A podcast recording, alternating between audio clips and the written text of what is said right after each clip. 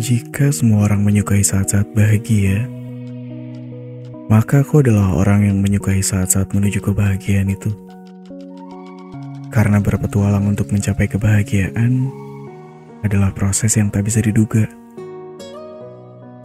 Kamu bisa saja terperosok jatuh ke dalam jurang yang tak berujung, atau bisa saja bertahan sampai ke puncak. Dalam prosesnya kamu akan menemukan orang-orang yang pernah kamu temui. Bedanya, kini kamu akan melihat sifat aslinya. Gimana? Apa dia baik? Atau pura-pura baik?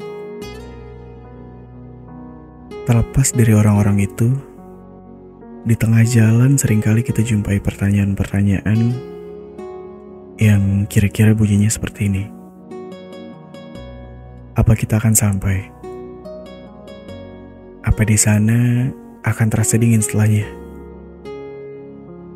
Apa setelah sampai di tujuan akan terasa berbeda? Dan banyak keraguan lainnya yang akan menghantui. Sepertinya aku merasakan semua keraguan itu di tahun lalu. Dari mulai tak sampai ke tujuan, dingin yang meluang di tengah jalan, dan tiba-tiba terasa berbeda di tengah jalan. Kemudian dipukul mundur oleh perpisahan, pertengkaran, perselisihan pendapat, dan kesalahpahaman. Bekal yang ku bawa malah menarikku jatuh lebih cepat. Tapi ini tak membuatku tamat. Setahun telah berlalu Kini aku kembali mendaki kebahagiaan baru. Bukan dengan kamu, tapi dengan hal-hal yang membuatku bahagia. Semua orang punya sumber kebahagiaannya masing-masing. Dan aku masih di sini dengan Gina.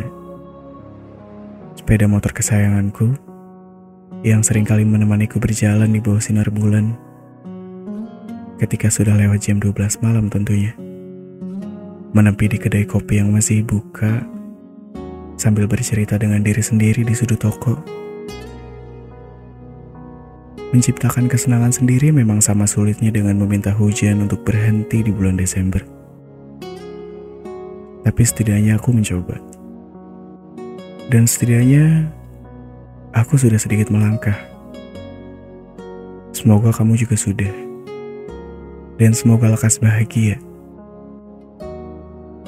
Semoga lekas kembali berteman seperti dulu di kantin lama.